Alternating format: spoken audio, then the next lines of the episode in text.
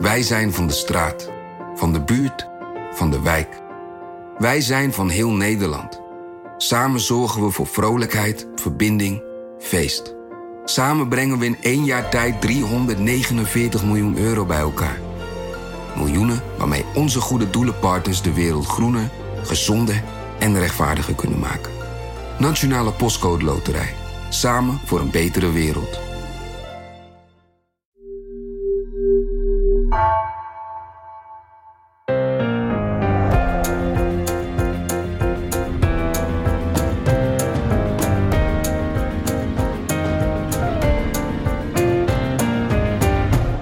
Dit is Haagse Zaken van NRC. Mijn naam is Lemia Aharwai. Rusland is Oekraïne binnengevallen. Europa en de VS hebben sancties aangekondigd. Putin chose this war. And now he and his country will bear the consequences. Today I'm authorizing additional strong sanctions. We will present a package of massive and targeted sanctions. Deze daad kan niet onweersproken blijven. Dat is de reden waarom Nederland vindt dat er maximale sancties moeten worden aangekondigd tegen Poetin en zijn regering. Nou, begin deze maand keken we met Haagse Zaken al eventjes naar wat Nederland voor Oekraïne kan, mag, wil betekenen. Toen was alles nog heel anders. Er dreigde een invasie, er was de vraag om wapenleveranties, maar het was allemaal nog een beetje onzeker hoe en wat. Nou ja, dat is inmiddels allemaal wel duidelijk. En in deze Haagse Zaken vragen we ons af wat zijn nou eigenlijk de mogelijke gevolgen van al die sancties die het Westen aan het opleggen is aan Rusland? En als we het hebben over sancties en gevolgen daarvan, dan hebben we het al heel snel over de gaskraan. Dus dat zal ook in deze Haagse zaken een groot deel van uh, de tijd in beslag nemen. Bij mij in de studio Erik van der Wallen, economieredacteur. Schrijft veel over uh, klimaat en energie. En Marieke Stellinga, columnist, politieke redactie. Jij schrijft eigenlijk het Haagse deel van alles over klimaat en energie. Is dat ik doe mijn best. Ja. hey, voordat wij hier de studio ingingen, wat zeg ik, een paar uur geleden, want het is nu vrijdagochtend nog, zeg ik er maar even bij, dat alles elkaar zo snel opvolgt, zijn er Europees sancties afgesproken. Jullie hebben ernaar gekeken. Wat zijn dat voor sancties? Ja, het is nog niet helemaal duidelijk. Het wordt vandaag ook nog hard aan gewerkt, uh, ook om het uh, daadwerkelijk uh, effectief te krijgen. Maar het, het gaat ver, dat, dat zie je wel. niet alles is uit de kast gehaald, maar bijvoorbeeld worden tegoeden van Russische banken bevroren. Dat lees ik vooral uit de Financial Times. 70% van de banken zelf. Precies, ja. En uh, betekent ook dat bijvoorbeeld uh, bedrijven die linken hebben met het Kremlin, dat die worden geweerd van Europese beurzen. rijke Russen worden aangepakt, niet alleen financieel, ze kunnen geen grote bedragen meer storten. Maar ook bij de grens zullen ze niet zomaar kunnen doorlopen, wat tot nu toe wel het geval was, omdat ze zeg maar vrij reizen visa hadden met hun diplomatieke paspoort. je ziet ook bij ruimtevaart en bij energie en high-tech zie je dat bepaalde onderdelen niet zomaar meer de grens over kunnen. En ik denk dat op veel vlakken gewoon een zware exportcontrole komt. En dat kan je natuurlijk heel veel tijd mee rekken en wat iets meer zijn. Wat mij opvalt aan de taal die bijvoorbeeld Ursula von der Leyen gebruikt van de Europese Commissie. Uh, zij zegt massive and targeted sanctions. Hè? Dus het zijn hele massieve sancties, dus uh, hele uh, heftige sancties, maar ze zijn ook gericht. En ik denk dat je dat heel erg terugziet in wat er nu naar buiten druppelt over die sancties. Rutte zei bijvoorbeeld ook gisteren: het, we willen het leiderschap raken, niet het Russische volk. Um, ze proberen heel gericht bepaalde sectoren te raken die belangrijk zijn uh, voor de militaire ambitie, voor de economische ambities van Poetin en de kliek rond Poetin. En toch ook voorkomen dat het Westen zelf massief wordt geraakt als ik zo deze sancties uh, tot mij neem. Uh, dus dat valt me eraan op. Ja, nou ja, jij, laat het woord massive al vallen, wat Van der Leyen gebruikt. Gisteren hoorde ik hier uh, op het Binnenhof de hele tijd het woord maximaal. Dus echt gaan tot het uiterste, Erik zijn dit, dat vind ik best moeilijk om te bepalen vanuit een lekenpositie, zijn dit echt zware sancties? Ja, ik denk dat het wel zware sancties zijn. Uh, al moet je ook direct zeggen dat niet alles uit de kast is gehaald. Um, dus het kan altijd nog zwaarder. Ja, want het is altijd interessant om te kijken wat is er niet besloten. Precies, je hebt natuurlijk het uh, internationale betalingsverkeer dat uh, via het systeem SWIFT in de praktijk zijn werk doet. En um, het zou mogelijk zijn om uh, een land daarvan af te koppelen. Dat is dus niet gebeurd. En wat ook niet gebeurt, en Marike hintte daar al een klein beetje op, dat mensen als Poetin en Lavrov, dat die um, niet helemaal persoonlijk worden getroffen. Dus je, je, kan daar nog op bezoek gaan bij wijze van Ja, want er zijn echt lijsten gemaakt hè, met namen, getarget dus inderdaad, van mensen in de Duma bijvoorbeeld, mensen die dit mogelijk maken. Ja. Zo wordt dat de hele tijd samengevat. De oligarchen. Precies, en Poetin staat daar zelf niet op. Nou hoorde ik gisteren van uh, Hoekstra, die herhaalde dat een paar keer. Die zei, ik kan me voorstellen dat mensen denken, ja, zet Poetin daar als eerste op. Ja. Alleen, het is belangrijk om de banden te onderhouden met die man. Als je hem direct op zo'n sanctielijst zet, dan ben je het contact ook kwijt. Ja, dat hoorde je gisteren. Je hoorde ook over SWIFT zeggen. Je kan ook de Russen naar alternatieve systemen drijven als je ze daarvan afsluit. Uh, dat zou ook een strategische overweging kunnen zijn om dat nu nog niet meteen te doen. Want de Russen en de Chinezen proberen samen al een alternatief al, ja, al betalingssysteem. Ja, ja. Uh, nou ja, dat hebben ze opgezet, maar ze proberen daar ook wat meer uh, tractie op te krijgen. Hè, dat dat meer gebruikt wordt. Dit SWIFT-systeem is super dominant op dit moment. En je zou ze daarmee dus ja, echt van je kunnen afsnijden en uh, aanzetten tot een eigen systeem. Maar goed, hoe belangrijk al deze overwegingen zijn, is uh, mij niet helemaal duidelijk. Nee, maar goed, voor de korte termijn, uh, wat dan ook, voor de korte termijn zou het effect natuurlijk heel erg groot zijn. Ja. Maar de schade ook. Ja. En dat is de afweging geweest. Ja, want je kan dan eigenlijk, hè, dit is een manier om makkelijk betalingen te doen. Dus ook een tuinder in Nederland die bloemen verscheept naar, de, naar Rusland, die kan dan niet meer makkelijk het betalingsverkeer regelen. Want dit is eigenlijk een soort code die je hebt om te zeggen: oh ja, Erik verkoopt bloemen aan mij. Ik zit in Rusland. Deze bank, ik heb een systeem waarmee ik vertrouw dat dat ook echt een bank is, dat dat echt Erik is die ik het geld uh, overmaak. En dat systeem zou je dan afsluiten. Dat zou het betalingsverkeer niet onmogelijk maken. Nee, maar, maar wel vele terug. malen moeilijker. Je waarmee je weer moet faxen, je moet bewijzen krijgen. Nou, allemaal heel ja. ingewikkeld. Ja. Dus dat is wel echt heel impactvol. En wat ook meespeelt is dat je nu nog, een, uh, zoals het uh, in de FD werd genoemd... Uh, ze houden iets in de sleeve, had een, een, een hoge diplomaat gezegd. Ze houden iets in de mouw, we houden iets achter de hand. Dat speelt natuurlijk ook een rol. Ja, het heeft ook te maken met verdeeldheid, toch? Of is dat, want Biden was gisteren, Amerikaanse president, was gisteren vrij duidelijk... hè aan mij heeft het niet gelegen. Ik wilde wel, de EU wilde niet. Nederland wilde ook. Hoekstra zei gisteren dat alles mogelijk moest zijn. Dus ook het afkoppelen van Rusland van uh, SWIFT. Maar in de EU, andere lidstaten, ja, die waren er wat minder uh, blij Ja, en ook binnen Nederland, in alle eerlijkheid, zag je bijvoorbeeld dat uh, de centrale bankpresident Knot ook bedenkingen had om Rusland af te koppelen. Ik kan me ook voorstellen, maar ik weet niet of het zo is, dat je ook Nederland zei van SWIFT af, Biden zei het, uh, Johnson zei het, hè, dat dat ook een signaal is van er zijn landen die bereid zijn om verder te gaan. En wat mij deze week ook weer opviel, wij hebben natuurlijk ook een hele speciale rol als Nederland in bijvoorbeeld het geld dat Russische rijke mensen, Russische oligarchen, Russische politici, Russische mensen rond Poetin hebben. Uh, en dat ze stallen in het buitenland. En dat is onze Zuidas, waar via die gelden, dat is nou vaak beschreven, ook lopen. Net zoals Londen daar een bijzondere rol in heeft. Daar kreeg de premier Boris Johnson deze week ook weer vragen over. Van ja, hoe noem je dat ook weer, Erik? Londograd. Oh ja, Londograd. Ik zei er het Londistan. Londograd, waar de Russische oligarchen, rijke mensen, geldstallen of van financiële faciliteiten gebruik maken. In Nederland juridische, fiscale faciliteiten, financiële faciliteiten. Ja, waarom doen Nederland en uh, het VK eigenlijk daar niet wat aan om op die manier die mensen te raken? Nou, Johnson heeft nu aangekondigd, volgens mij vertelde jij net Erik, dat hij daar wat aan gaat doen. Ja, ja. Uh, maar Rutte kreeg hier ook een vraag over in het vragenuurtje deze week. En toen was zijn antwoord: ja, Hoekstra, Wopke Hoekstra, is dat aan het uitzoeken. Maar dat is nog best wel ingewikkeld. Maar hij is ermee bezig. Daar heeft Wopke Hoekstra ook al eerder iets over gezegd dat dat echt ingewikkeld is. Dat we daar vreselijk hard mee aan de gang zijn. We doen er dus alles aan om ook als Nederland in staat te zijn, als dat pakket er is, het ook te kunnen uitvoeren. En dat is nog niet zo heel makkelijk, maar er wordt wel vreselijk hard aan gewerkt.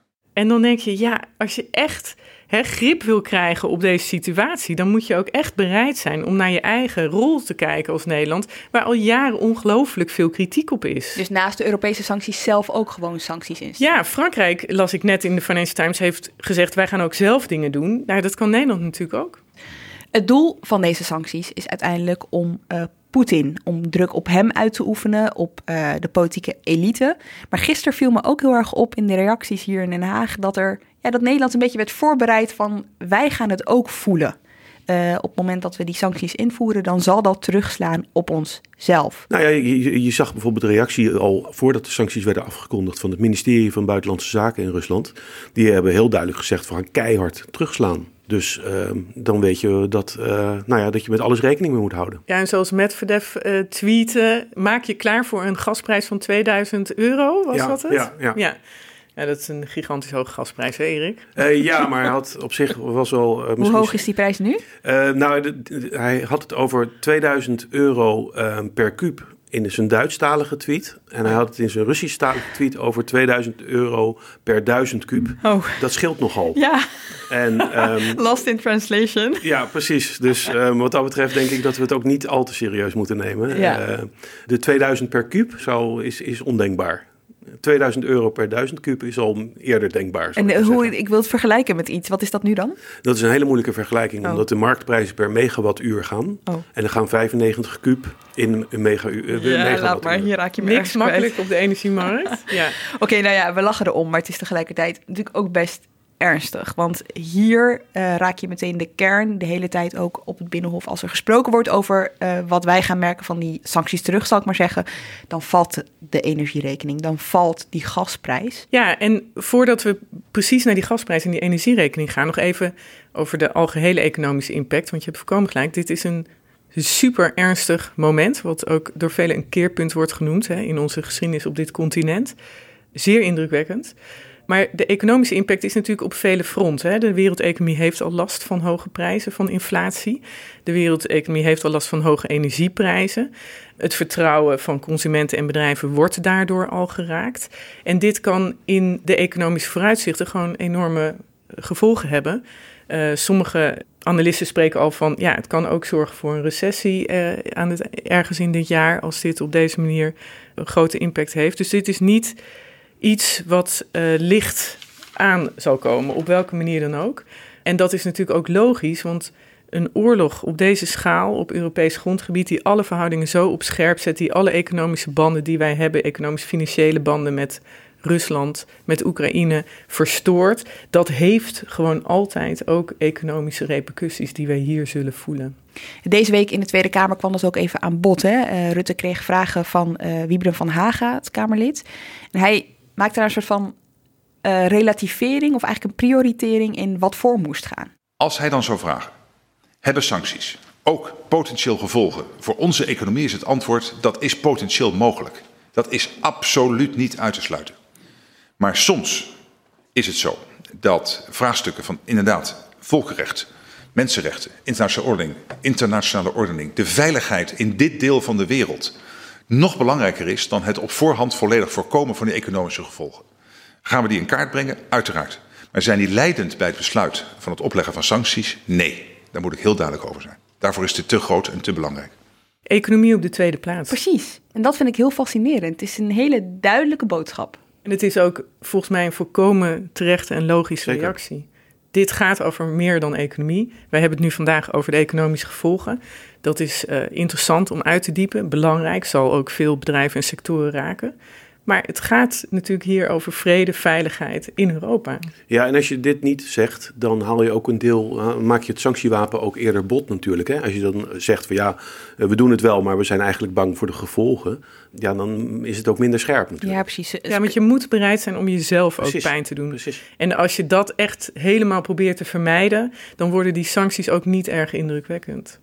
Zoals ik al aankondigde, we gaan het vooral hebben over gas, over energie uh, en onze afhankelijkheid van uh, Rusland. Maar om dat goed uit te kunnen leggen, moeten we eerst eventjes, ja, toch wel een basislesje, waar komt ons gas vandaan uh, doen, Erik? hoe is het verdeeld? Nou, we gebruiken jaarlijks ongeveer 40 miljard kubieke meter gas. Dat is moeilijk om daar een voorstelling van te maken, ja. denk ik. Iets meer zelfs, maar dat is een beetje wat we via de cv-ketel en via elektriciteitscentrales en ook nog een, een, klein beetje het gasfornuis jaarlijks verstoken. En ehm, van oudsher kwam natuurlijk heel veel gas uit, uit Groningen. Nou, we weten allemaal waarom dat uh, snel wordt afgebouwd.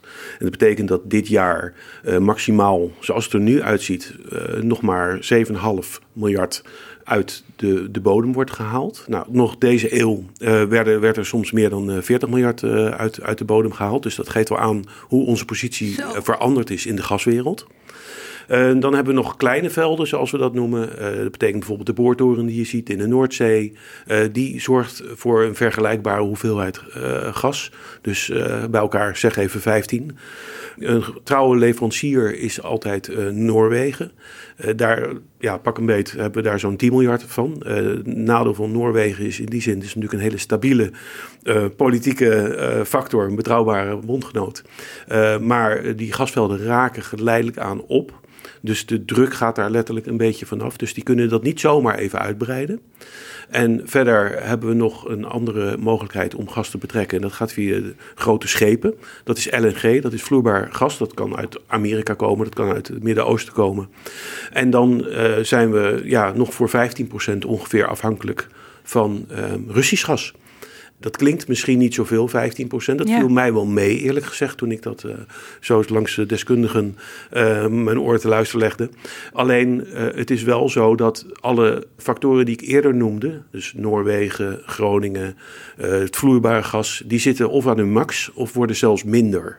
En uh, Rusland was eigenlijk, um, of is eigenlijk de, de, de leverancier waar nog lekker ruim uh, groei in zit. Zal waar ik maar even waar zeggen. nog wel ruimte is, inderdaad. Ja, precies. Ja, en Erik, dat is dan voor Nederland, en dat valt dan op zich nog wel mee, zei je net. Maar ja, we zitten in Europa en voor andere landen, bijvoorbeeld Duitsland, is het veel hoger. Hè? Dat ja, dat, uh, dat is helemaal waar. Um, meer dan 55% van het gas komt, komt uit Rusland. En die zitten ook qua hè, Nord Stream 1 en 2 uh, uh, natuurlijk met een Russisch-Duitse pijpleiding, waar wij overigens ook gebruik van maken. Maar er zijn landen waar het ook gewoon meer dan 75% is. Voormalige Oost-Europese landen, die zijn voor meer dan driekwart afhankelijk van het Russisch gas. Hoor ik jou nou zeggen dat wij uh, ook gebruik maken van de Nord Stream-lijnen?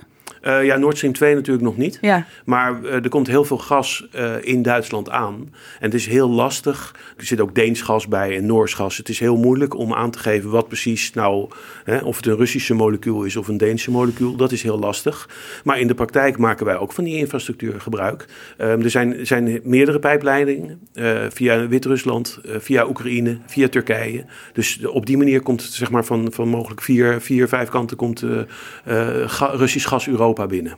En dat is Duitsland gemiddeld in Europa 30, 35 procent? 30, 35 uh, ja. Oké, okay, ik ga nu eventjes hardop denken hoor. Een van de sancties die Duitsland heeft genomen, en daar waren ze ook best wel snel mee, en dat werd ook wel ontvangen als wow, dit is heel ferm, dat is het stoppen van uh, Nord Stream 2. Alle voorbereiding die daar in ieder geval uh, mee bezig was. Raakt dat ons dan ook? Uh, nou, niet direct, want er zijn voldoende transportmogelijkheden. Uh, dus het is niet zo dat dat, dat dat cruciaal is. Die is echt op de groei ja, precies. gebouwd. En hij was nog niet open. En hij was nog hij niet was open. Nog niet open. Nee, nee, dus die, nee, maar dus die, die goedkeuringsprocedure die wordt gestaakt, zeg maar. en Nord Stream heeft natuurlijk een lange, lange geschiedenis. Hè? Even terug, dat is geloof ik in 2015 uh, is, is begonnen met de bouw. En toen was het eigenlijk al omstreden. En zei Merkel altijd van ja, het is een puur uh, economisch project. Uh, nou ja, dat is dus een soort ontkenning natuurlijk van uh, alle politieke beladenheid. Beetje naïef klinkt dat ja, nu ineens. Nou ja, maar, ja, in ieder geval uh, bewust naïef, denk ik. Dus ja, dat is alleen maar, die kritiek is alleen maar toegenomen.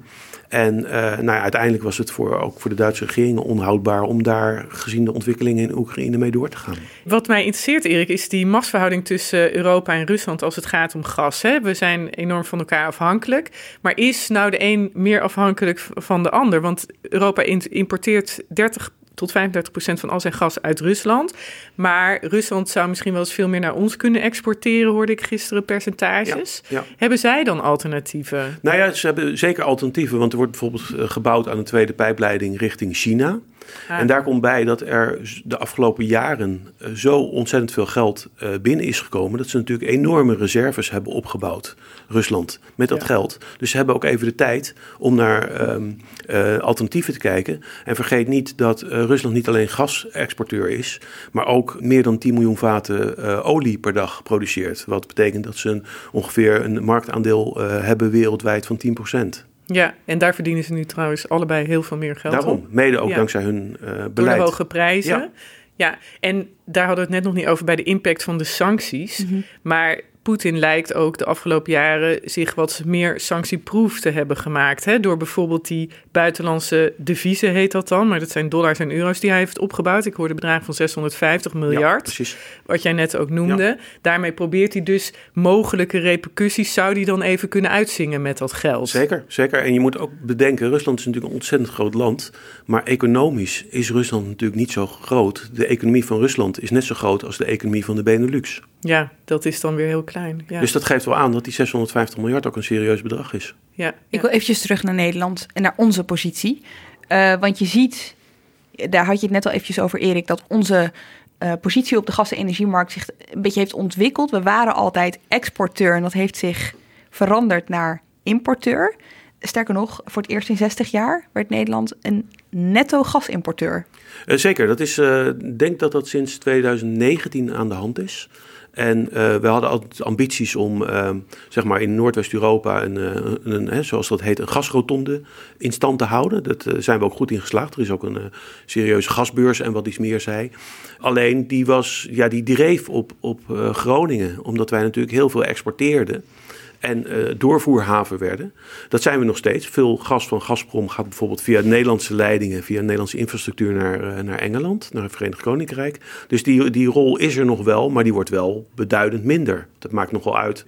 In 2013 eh, produceerden wij nog 54 miljard kuub gas. Dat is dus hè, dat is acht, jaar, acht, negen jaar geleden. Echt heel snel gegaan. En dat hè? is echt heel snel gegaan. En ehm, ja, als je zoveel gas hebt, kan je natuurlijk ook heel makkelijk een speelfunctie vervullen op dat vlak in eh, Noordwest-Europa. Want het is altijd goed om even te bedenken dat gas is voor een deel ook een regionale, vooral een regionale markt. Omdat gas over het algemeen via pijpleidingen wordt eh, eh, vervoerd. En olie is veel meer mondiale markt. Dus in die zin zie je ook dat bijvoorbeeld de gasprijzen in euro's worden afgerekend. En dat is echt, ja, daar heeft Nederland echt wel een positie op verworven. Maar die is eindig, die positie. Ja, precies. Oké, we zijn dus niet zelfvoorzienend. We zijn echt afhankelijk van andere landen. Dan zie je dat een, eh, buurland als Duitsland nog afhankelijker is van andere landen. En nu wordt het een beetje ingewikkeld, maar het is wel belangrijk om dit uit te leggen. Ondertussen is er ook on- zijn er ook onderlinge afspraken tussen landen. Dat als bij het ene land de gas opraakt, dat het andere land te hulp schiet. Ja, de Europese Unie die heeft, eh, dringt al sinds een paar jaar aan op noodplannen voor als je te weinig gas hebt. Eh, die eist ook van landen dat ze daar een plan voor bedenken. Nederland heeft in 2019 zo'n plan opgesteld. En daar zitten ehm, beschermde gebruikers in. Maar daar zit ook een soort solidariteitseis in. Dat als het ene land kan aantonen dat zijn beschermde gebruikers, en dat zijn voornamelijk huishoudens, maar denk ook aan ziekenhuizen die moeten kunnen blijven draaien Bakkerijen. Bakkerijen. Hè, je moet als land kunnen functioneren. Nou, als Duitsland zegt die beschermde gebruikers komen in gevaar en in Nederland is alles hunky-dory, niks aan de hand, dan kan Duitsland aan Nederland vragen om te helpen bij het voorzien van gas van zijn beschermde gebruikers die dat solidariteitsstempel hebben. Dan moet je dus gaan delen. Dan moet je gaan delen. En je moet ook eh, bedenken dat eh, sommige eh, bedrijven ontzettend veel gas gebruiken. Het, het spreek- meest sprekende voorbeeld, eh, die wordt er niet voor niks altijd uitgelegd, is ehm, de kunstmestfabriek Yara in eh, Zeeland. Die gebruikt net zoveel gas als 1,3 miljoen huishoudens. Dus het maakt nog wel uit of je meneer Jansen afschakelt eh, of dat je Yara afschakelt. Dus daar moet, je, daar moet je aan denken bij dat plan. Nou hing het de afgelopen tijd een beetje in de lucht en het wordt steeds concreter. Het dichtdraaien van die Russische gaskraan. Kan Poetin dat zomaar doen?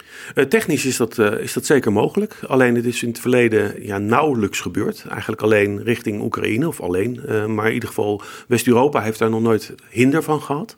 En de gedachte van experts was altijd eigenlijk van ja, die gas- en olie-export is zo belangrijk voor Rusland. dat hij zich wel zal bedenken om, om daarmee te gaan spelen. Want dan zorg je natuurlijk ook dat klanten naar alternatieven gaan kijken. Maar ja, met die sancties, die zijn ook uniek. Dus wie kan voorspellen wat er gaat gebeuren? Oké, het is een mogelijkheid. Het kan dus, zeg jij, eh, technisch. Wat ik hier wel interessant aan vind, is dat het niet voor het eerst is dat er mee gedreigd wordt of dat het een mogelijkheid is. Andere landen hebben de EU best wel vaak gewaarschuwd hiervoor. Ik kan me een Amerikaanse ambassadeur herinneren, Piet Hoekstra, die hier vaak over begon. Hè? De afhankelijkheid van Russisch gas. Nou ja, dan was Nord Stream 2 zijn stokpaardje van stop daarmee. There are many people in the EU that agree with the US position that making Europe more dependent on Russian gas is a bad idea. Uh, they're also in agreement that at this point in time, feeding the economic beast of Russia right now doesn't make any sense. Vraag is toch een beetje, die waarschuwingen die klinken al hele tijd. Tegelijkertijd beschrijf jij net, Erik, onze afhankelijkheid van groeien. Dat ligt eigenlijk alleen maar bij Rusland. Hè? Als we willen groeien, als we de gastoevoer willen laten groeien, dan ligt dat bij Rusland. Hoe is dat met elkaar te rijmen? Het is natuurlijk zo dat ehm, die infrastructuur er ligt. Ehm, de prijs was lange tijd laag. En als je de eh, hele gasmarkt, de hele energiemarkt aan de vrije markt overlaat. En verder als overheid daar niet specifieke uh, regels voor stelt over de oorsprong, over voorraden en wat iets meer zei, dan krijg je natuurlijk dat, dat je dit soort situaties krijgt. En je moet ook bedenken dat iemand als Hoekstra, de ambassadeur die jij noemde, die zat toen op dat moment ook met een heel groot probleem, omdat de olieindustrie in uh, Amerika um, klanten zocht, bijvoorbeeld de schalieolie en schaliegas. Dus die wilde dolgraag wat schepen richting deze kant uh, sturen. Zo werd er toen ook op gereageerd. Maar tegelijkertijd bleven wij meer en meer van Rusland afnemen, toch? Dat, dat is, Ja, die 15% ja, is, is nu, maar dat was Nee, dat tien is jaar waar. geleden niet dat zo. is waar. Ja, maar de, die, die gassituatie in Nederland was natuurlijk bijzonder vanwege Groningen. Dus wij zaten natuurlijk in een hele comfortabele situatie. En je ziet, ja, we hebben eh, iets van vijf bronnen waar wij gas vandaan halen. En Rusland is daar één van. En het is niet zo, eh, zoals in sommige landen, dat eh, wij voor driekwart afhankelijk zijn van Russisch gas. Dus Maar is die afhankelijkheid is nu terugkijkend vrij lichtzinnig. Ik hoorde gisteren andere Hoekstra, Wopke Hoekstra zeggen... er is een reden om je buitengewoon ongemakkelijk te voelen... over hoe afhankelijk Europa is van het Russisch gas. Zeker. Maar dan denk je, ja, dat is wel wat wij de afgelopen jaren... toch met z'n allen redelijk met open ogen hebben laten gebeuren. Ja, ik kan me nog 1973 eh, herinneren dat er een olieembargo was. En dat wij opeens zagen dat wij afhankelijk Ja. waren voor onze olie van, het, van de Arabische wereld. Daar waren we toen ook niet blij mee. En er zullen ongetwijfeld toen ook mensen gezegd hebben: Goh, moeten we daar niet eens wat aan doen? Ja. Maar op het moment dat alles weer rustig wordt, de prijzen lekker laag zijn en het gaat allemaal goed, ja, dan gaan we weer over tot de orde van de dag. Ja, en je zit met dat idee wat heel erg klonk van ja, zij hebben er ook zoveel belang bij om dit aan ons te blijven verkopen. Ze gaan niet aan die kraan draaien of aan die knop draaien, de Precies, Russen. Ja. Precies, die wederzijdse afhankelijkheid. Maar is dit dan een moment dat, dat die gedachte in Europa toch voor goed onder druk komt te staan? Nou ja, wat natuurlijk een hele belangrijke eh, woord is wat we nog niet gebruikt hebben. En dat is het duurzaamheid. We willen natuurlijk überhaupt van fossiele brandstoffen af. En ook van het gas. Ja. En van ook dus ook van het gas. Ja, daar kan je een paar dingen over zeggen. Voor sommige landen, stel bijvoorbeeld Polen, die nog heel veel kolencentrales hebben, is gas juist, zoals ze dat noemen, een transitiebrandstof. Dus een pad richting verduurzaming, omdat gas tot, tot minder, tot ongeveer de helft minder CO2-uitstoot leidt bij het eh, bijvoorbeeld produceren van stroom dan kolen. En wat het andere betreft, eh, dat ongemak om afhankelijk te zijn van, van eh, onfrisse regimes, daar zit natuurlijk een korte termijn en een lange termijn eh, invalshoek in. Korte termijn moeten we gewoon oplossingen vinden om aan onze gasbehoeften te voldoen, mocht het misgaan. Hè? Daar hoeven we nog niet van uit te gaan, maar daar kunnen we wel stiekem een heel klein beetje rekening mee houden. Ja. En er zit natuurlijk nu een lange termijn visie aan dat dit ook voor extra druk kan zorgen richting verduurzaming. Nou weet ik dat de coalitie al redelijk ehm, tot zijn eh, voorhoofd eh, vol zit met verduurzaming plannen, Ambitieuze met plannen. ambitieuze plannen. Het maximaal Ehm, mogelijke volgens het Planbureau voor de Leefomgeving. Daarom, Ja. Maar laat dit ook een, een, voor de langere termijn een stimulans zijn om meer, nog zoveel mogelijk aan verduurzaming te gaan voldoen. Want dan word je meer zelfvoorzienend. en dan word je minder afhankelijk van Ja. Dit kan dus ineens een argument gaan worden. Bedoel je dat te zeggen? Eh, ja, nou ja, het, is denk ik een argument. Dat gaat zeker een argument worden. Alleen het is wel iets voor de lange termijn. Want we zullen niet in staat zijn om bij wijze van spreken binnen vijf jaar... eh, je, kan er niet van uitgaan dat we over vijf jaar bij wijze van spreken geen gas meer nodig hebben. Nee, en eh, dit is wel een acuut probleem als nu, eh, zal ik maar zeggen, die gaskraan wordt dichtgedraaid. Overigens, we hebben dit over een gaskraan dichtdraaien. Valt dat concreet te maken hoe dat gaat?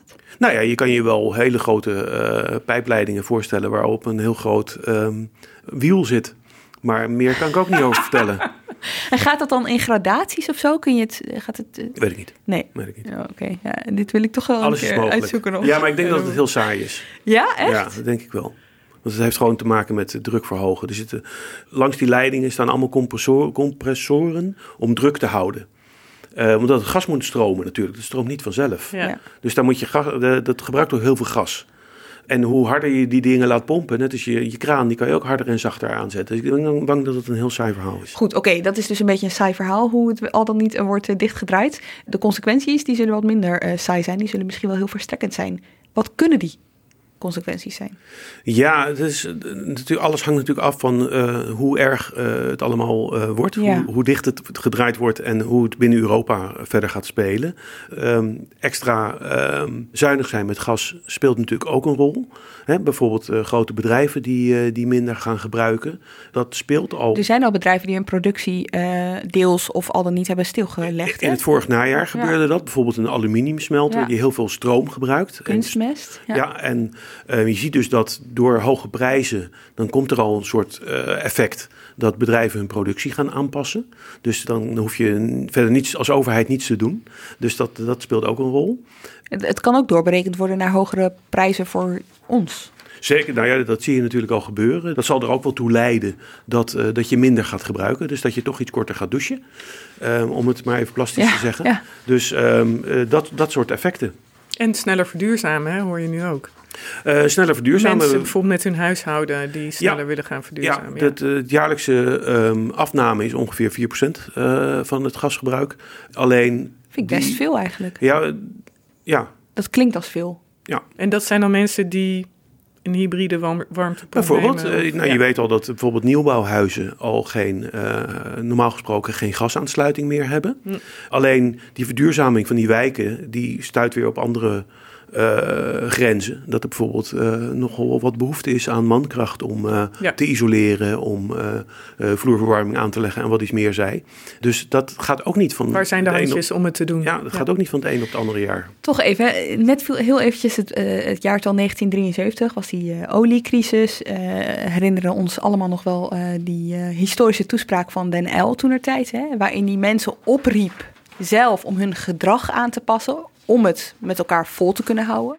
Dat betekent dat voor het eerst sinds de oorlog een jonge generatie zal kennismaken met distributie aan schaarste. Houdt u aan die 100 kilometer maximum op de weg. Vrachtwagenchauffeurs, houdt u aan de 80 kilometer. Wees zuinig met elektriciteit.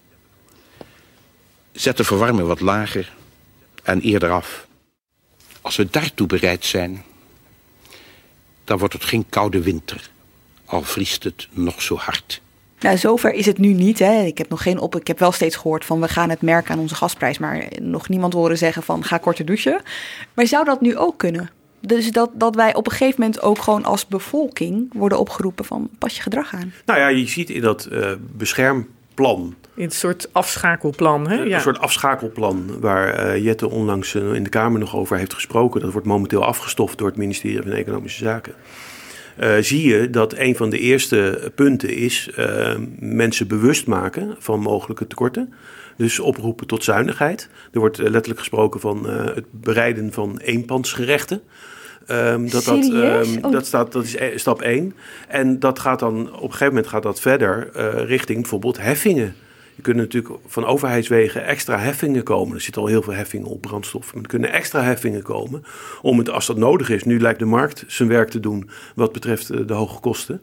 Maar als het nodig is, kan de overheid natuurlijk extra heffingen um, opleggen om uh, te zorgen dat we minder gas gebruiken. Ja, dit is eigenlijk het noodplan. Hè? Dat is wel even goed om is uit te nu leggen. nog niet aan de orde. Is, is nu nog niet aan de orde overigens. Maar uh, Jette, klimaatminister, heeft de opdracht gekregen om eens te gaan kijken naar een noodplan. Dat klinkt dan als een nieuw plan, maar jij noemt al het woord afstoffen, Erik. Eigenlijk is het een bestaand plan, zo lang bestaat het nog niet, sinds 2019, ja. dat geüpdate wordt, waar ja. nog even naar gekeken wordt? Nou ja, de Tweede Kamer, en ik merkte daar deze week ook wel enige frustratie over in de Tweede Kamer. Bijvoorbeeld bij Kamerleden vanuit de coalitie, uh, ChristenUnie, VVD, CDA, uh, maar ook GroenLinks uh, hamert hier al langer op. Die zeggen van ja die gasmarkt, we zijn eigenlijk moeten we anders gaan denken. Hè? We waren altijd, we hadden al genoeg gas, we hoefden ons geen zorgen te maken. Maar we moeten gaan denken als een land waar soms tekorten kunnen zijn hieraan. Dat is een beetje de onderliggende uh, gedachtegang die ik proef. En ja, wat gebeurt er dan? Dat moet eigenlijk concreter zijn dan dat, ja, die mooie ladder die ze daar hebben gemaakt in geval van nood bij dat plan uit 2019. Hè, daar staat heel netjes van, nou, dan gaan we mensen oproepen minder te gebruiken. We kunnen heffing, we kunnen ook bedrijven gaan afschakelen. Nou, wat vraagt de Tweede Kamer? Ja, welke bedrijven? Uh, hoe ziet dat er dan uit? Wie gaat er als eerste af? Wat kunnen daar de repercussies van zijn? Er zitten ook bedrijven bij die weer andere uh, bijvoorbeeld nou, industriebedrijven die zouden moeten afschakelen en die warmte leveren als zij draaien aan warmtenetten, hè? waar mensen, waar huishoudens ook weer op aangesloten zijn. Dus de Tweede Kamer vraagt al een tijdje om meer duidelijkheid en de Tweede Kamer vraagt om zorg nou dat je voorraden goed gevuld zijn. En die zijn eigenlijk wel gevuld. Hè? Een gasvoorraad dat je gewoon ergens een veld al vol hebt zitten waar je uit kan putten als het naar wordt. Voor huishoudens, zoals ik het begrijp, is daar een veld voor wat al uh, behoorlijk goed in elkaar zit dat dat gevuld is. Dus voor huishoudens geldt dit niet.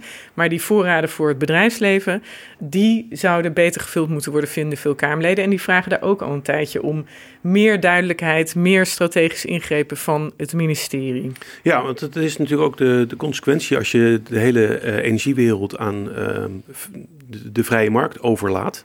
Je ziet nu bijvoorbeeld dat we de, de gemiddelde vulgraad, zoals dat heet in Nederland, die ligt geloof op 22 procent. Um, daar kan je wel iets bij voorstellen dat dat vrij laag is, ondanks dat we niet eens een hele strenge winter hebben gehad. Er zijn landen, Denemarken, Spanje, uh, waar het boven de 50 procent zit. Maar je kan je natuurlijk ook voorstellen, als je het voor overlaat aan de vrije markt en de prijzen zijn heel hoog, wat natuurlijk uh, al sinds vorig jaar aan het, aan het, zijn de prijzen aan het klimmen. Uh, dan ga je als bedrijf natuurlijk niet je, met dat dure gas uh, enorme bergingen vullen. Die, die verplichting bestaat er blijkbaar niet. En dus uh, gebeurt dat niet. Ja, en daar moet Jette dan een wet voor maken. Minister, we noemen er een paar keer op Jet van Klimaat en Energie. Ja, voor nee. Klimaat en Energie. Die moet daar een wet voor maken. En die is ook nu niet heel snel af. Uh, en die Kamerleden van de week zeiden in een groot klimaatdebat van ja, maar dan zijn we weer een winter verder. Ten tweede moeten we ook verder dan de komende winter gaan kijken. We kunnen niet meer leunen op een grote nationale energie- en gasproductie. Die kwetsbaarheid moeten we ook fors verminderen op de lange termijn.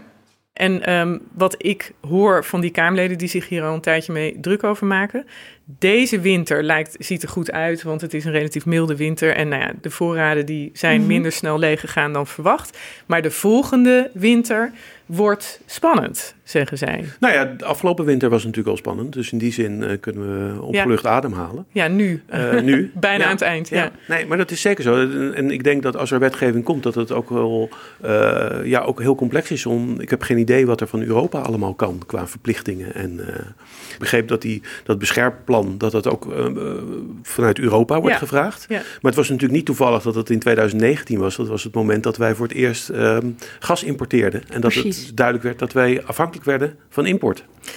Wat ik hoorde deze week ook in de Tweede Kamer van Kamerleden was dat het ministerie van Economische Zaken ook een omslag in het denken moet maken. Dus niet alleen van uh, iemand, een land dat gas genoeg heeft naar een gasimporteur, maar ook een land dat heel erg gericht is op vrije marktwerking, op liberalisering, op niet ingrijpen, op het aan de markt overlaten naar een land dat ook in dit soort situaties tegen de markt moet zeggen: ja, uh, leuk en aardig, jullie vullen dit. En dat moet, want het staat in de wet, want we hebben dat nodig. Zeker. Is best wel een fundamenteel andere manier van denken. Ja. Ik heb nog één vraag over dit uh, plan. Want um, ter verduidelijking, dat noodplan van Jette is dus eigenlijk gewoon een soort van update van dat plan uit 2019.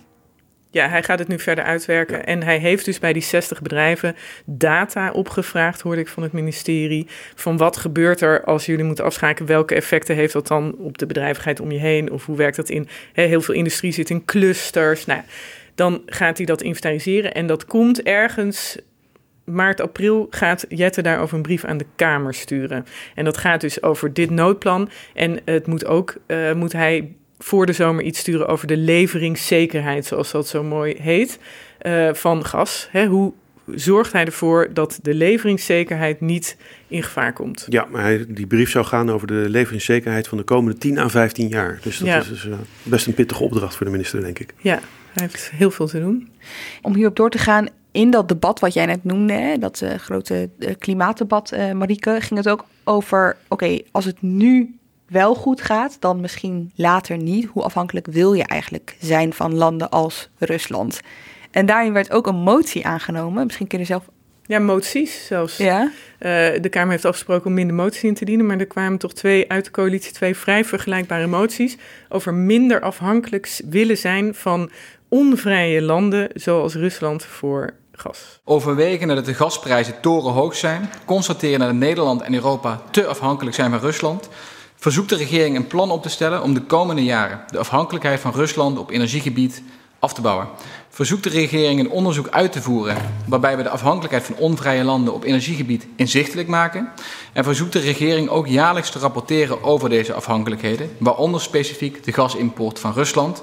En gaat over tot de orde van de dag. Ja, en dan, Erik, dat kan op papier heel mooi zijn, maar tegelijkertijd, wat is het andere land waar Nederland eventueel nog kan uitbreiden in de gasvoorraad? Ja, nou, er zijn op dit moment uh, eigenlijk al, al heel lang worden er gesprekken gehouden met Iran. Um, waar um, ja, eigenlijk het doel is dat een eind komt aan het olie- en gasembargo. Dat Iran weer kan gaan exporteren. En uh, ja, de laatste weken horen we daar hele positieve verhalen over, zowel van Iran als van Europa als van Amerika, dat het eigenlijk best goed gaat. En um, wat denk ik weinig mensen weten, maar dat um, Iran heeft, uh, denk ik, na Rusland de grootste gasvoorraad. En dat kan allemaal niet van vandaag op morgen geregeld worden, dat begrijp ik. Maar als daar een akkoord uh, wordt bereikt dat het land weer uh, kan gaan exporteren, dan zou dat mogelijk ook een rol kunnen betekenen voor Europa. Maar, en, maar nu is er ook tegelijkertijd, dus die, die moties die zijn aangenomen, hè, Marike? Ja, die zijn allebei aangenomen. En ja. die werden ingediend door de coalitie, eentje. En de ander echt heel breed gesteund in de Kamer. Ja. Ik probeer even hier uh, iets uh, zinnigs van te maken. Want hoe verhoudt dat zich tot elkaar? Als de enige oplossing voor nu, voor de korte termijn in ieder geval, hè, uh, in Iran ligt. En aan de andere kant zegt de Kamer niet meer afhankelijk zijn van onvrije landen.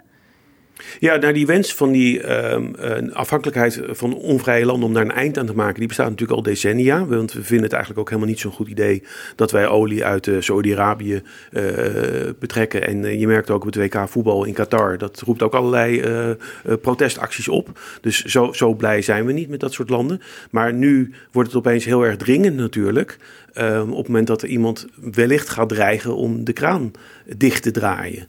Um, dus dan wordt het, los van het ideologisch, wordt het vooral ook praktisch. En dat, dat zet de politiek vaak nog meer aan tot handelen. Ja, en een van die moties ging ook over inzicht in hoe afhankelijk wij zijn van verschillende onvrije landen. Uh, dus het is ook een behoefte om dit te spreiden, deze risico's. Hè. Je kan natuurlijk als je één, hè, van zoals Duitsland heel erg afhankelijk is van Rusland voor het gas, dat is een hele andere situatie dan als ze van nou, laten we zeggen, vijf onvrije landen afhankelijk zou zijn ja, voor gas. Ja, en je moet natuurlijk wel bedenken dat de, de consequenties, hè, die kunnen natuurlijk heel groot zijn. Marieke schetste dat al even, de economische consequenties. Dus ja, dat er dan uh, wordt gekozen voor een ander onvrij land, dat, dat kan in de praktijk natuurlijk zomaar gebeuren. Um, wat zijn andere mogelijkheden? Ik noemde al even uh, het, meer vloeibaar gas naar Nederland halen. Een andere mogelijkheid is natuurlijk ook vloeken in de kerk. En dat is meer een beroep doen op Groningen. En dat zal in de praktijk niet zo snel gebeuren. Het zijn wel keuzes uit kwaden. Alle officiële woordvoerders in Den Haag, bijvoorbeeld van het ministerie, zeggen dan van ja, maar dit is echt last, last, last resort, hè, Groningen. Er valt wel, sommige mensen valt op van ja, Jette sluit het niet uit, niemand sluit het uit. Ik denk ook niet dat, ja, dat, wij, dat dat kan. Maar het is duidelijk dat ze zich zeer bewust van zijn dat ze eerst heel veel andere dingen willen doen voordat ze uh, dat appel doen op Groningen. Maar ja, als je echt in een crisis zit en het is nood, ik weet niet hoe houdbaar dat is. Nee, en eind vorig jaar hadden we natuurlijk dezelfde discussies en zou de um, Groningen zou ongeveer 3,5 miljard leveren voor in dit gasjaar. Een gasjaar loopt van oktober tot oktober. En dat is ook gewoon nodig om min of meer de waakvlam aan te houden. Waakvlamstand noemen ze dat. Daar mm -hmm. kan je iets bij voorstellen.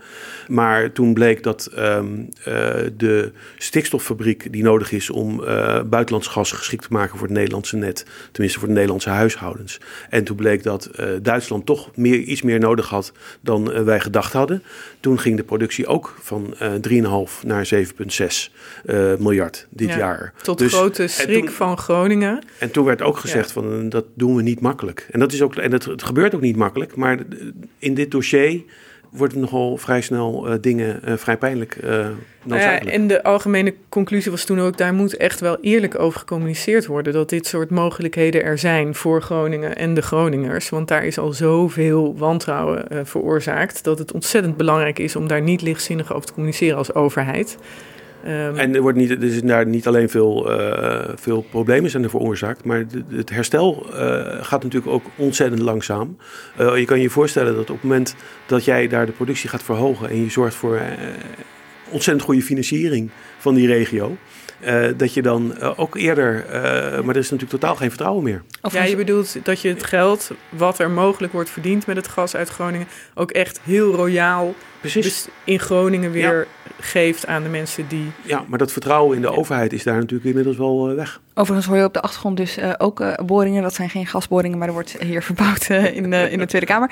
Eh, toch even, hè, want van alle opties die jij noemt, eh, van alle alternatieven die jij noemt, Erik, eh, is Groningen lijkt het enige wat op korte termijn snel kan.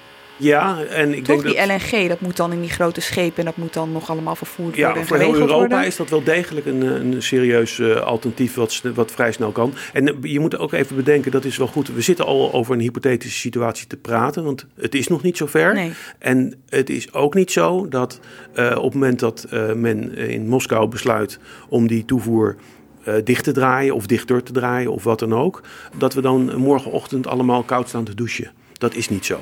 We hebben dan nog echt maanden de tijd eh, om daar een weg voor te vinden. Ja, tenminste, dat geldt voor huishoudens dus, zoals we net al eventjes benoemden.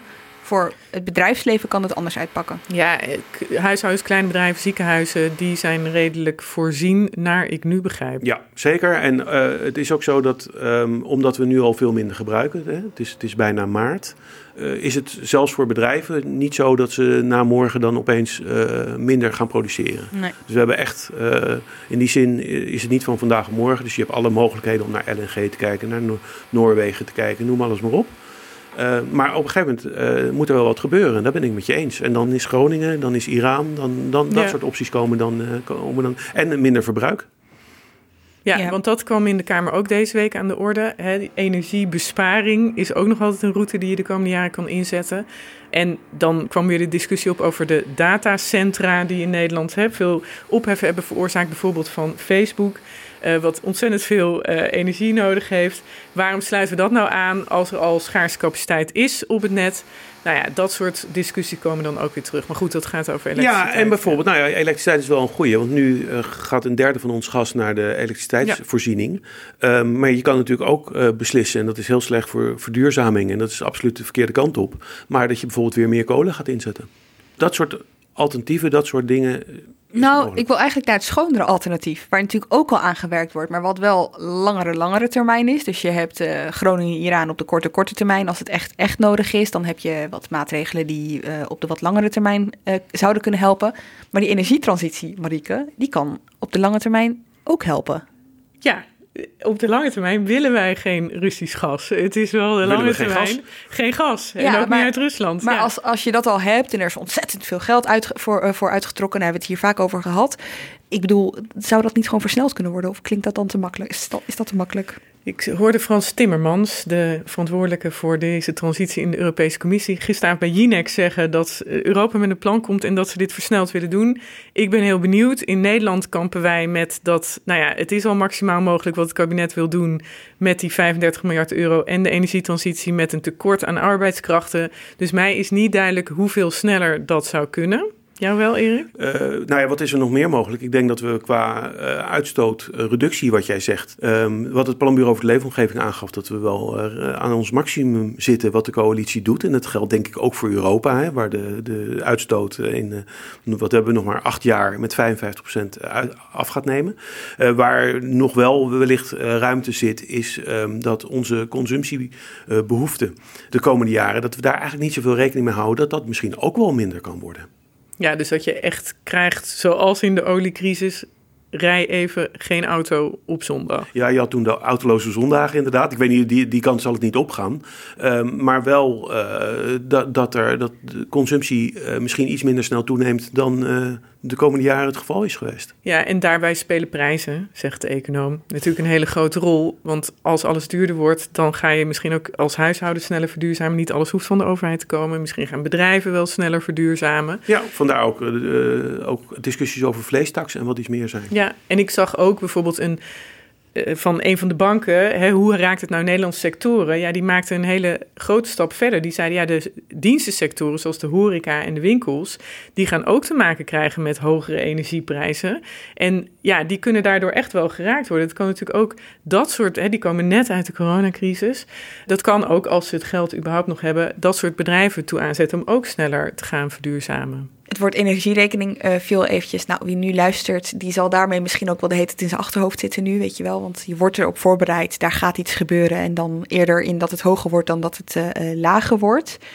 Welke rol speelt die energierekening de komende tijd hier in Den Haag? Valt er iets over te zeggen? Waar, waar, waar is men mee bezig?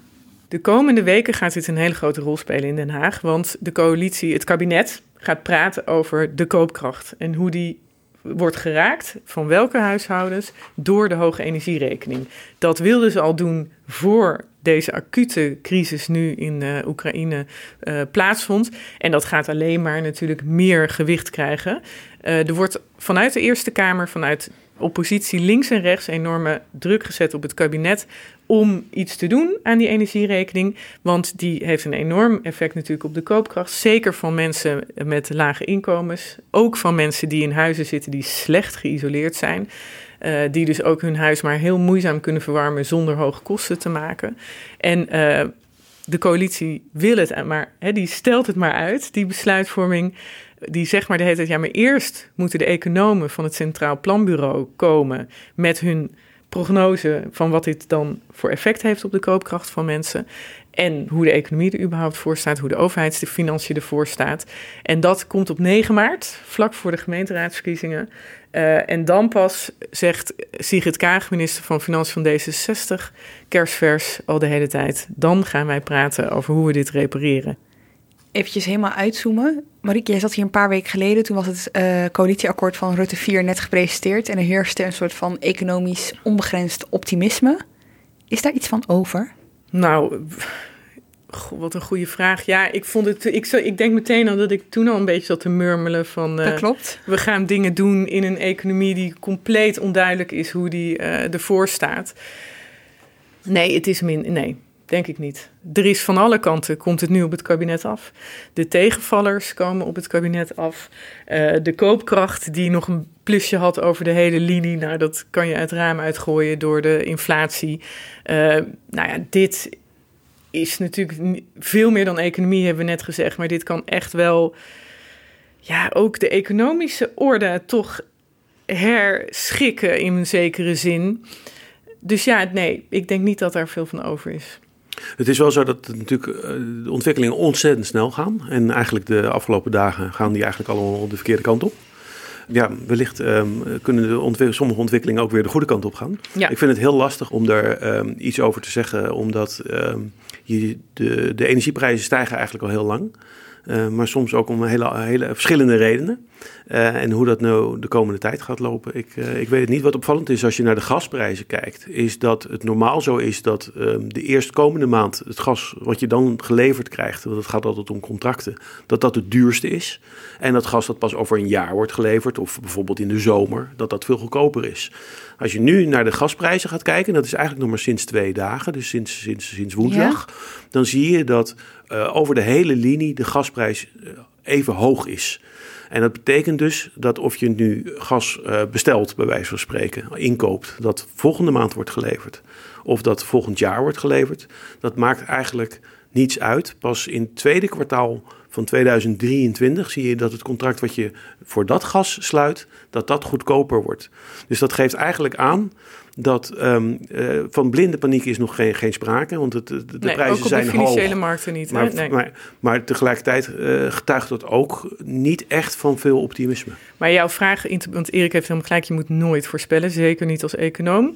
Maar jij, jij vroeg dat optimisme van Ja. dat hè, er was zoveel geld, we gingen alles aanpakken, uh, lage rente, uh, hè, we kunnen het Je was leiden. gek als je niet zou lenen. Precies. Nou, nee, we zitten in een onzekere wereld. Dat was toen al zo, want naar welke economie we keken. we- Maar nu is die nog wat onzekerder geworden. En dat maakt ook plannen voorwaardelijk in zekere zin.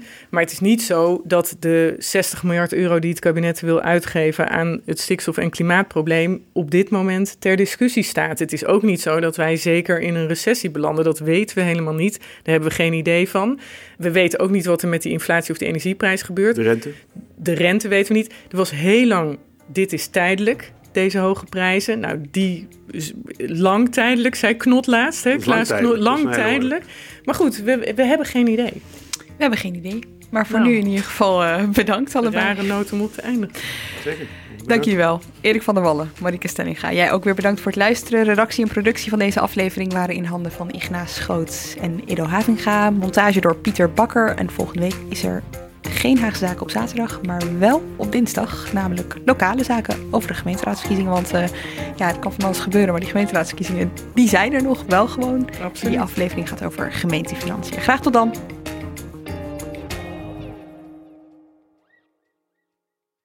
Aardbewoners. Artis nodigt jullie allemaal uit voor het Aardbewonersfestival. Van 15 tot en met 23 juni. Een inspirerend festival over het doorgeven van onze aarde aan de volgende generatie. Vol lezingen, workshops, muziek en nog veel meer. Dus aardbewoners, koop je tickets via artis.nl.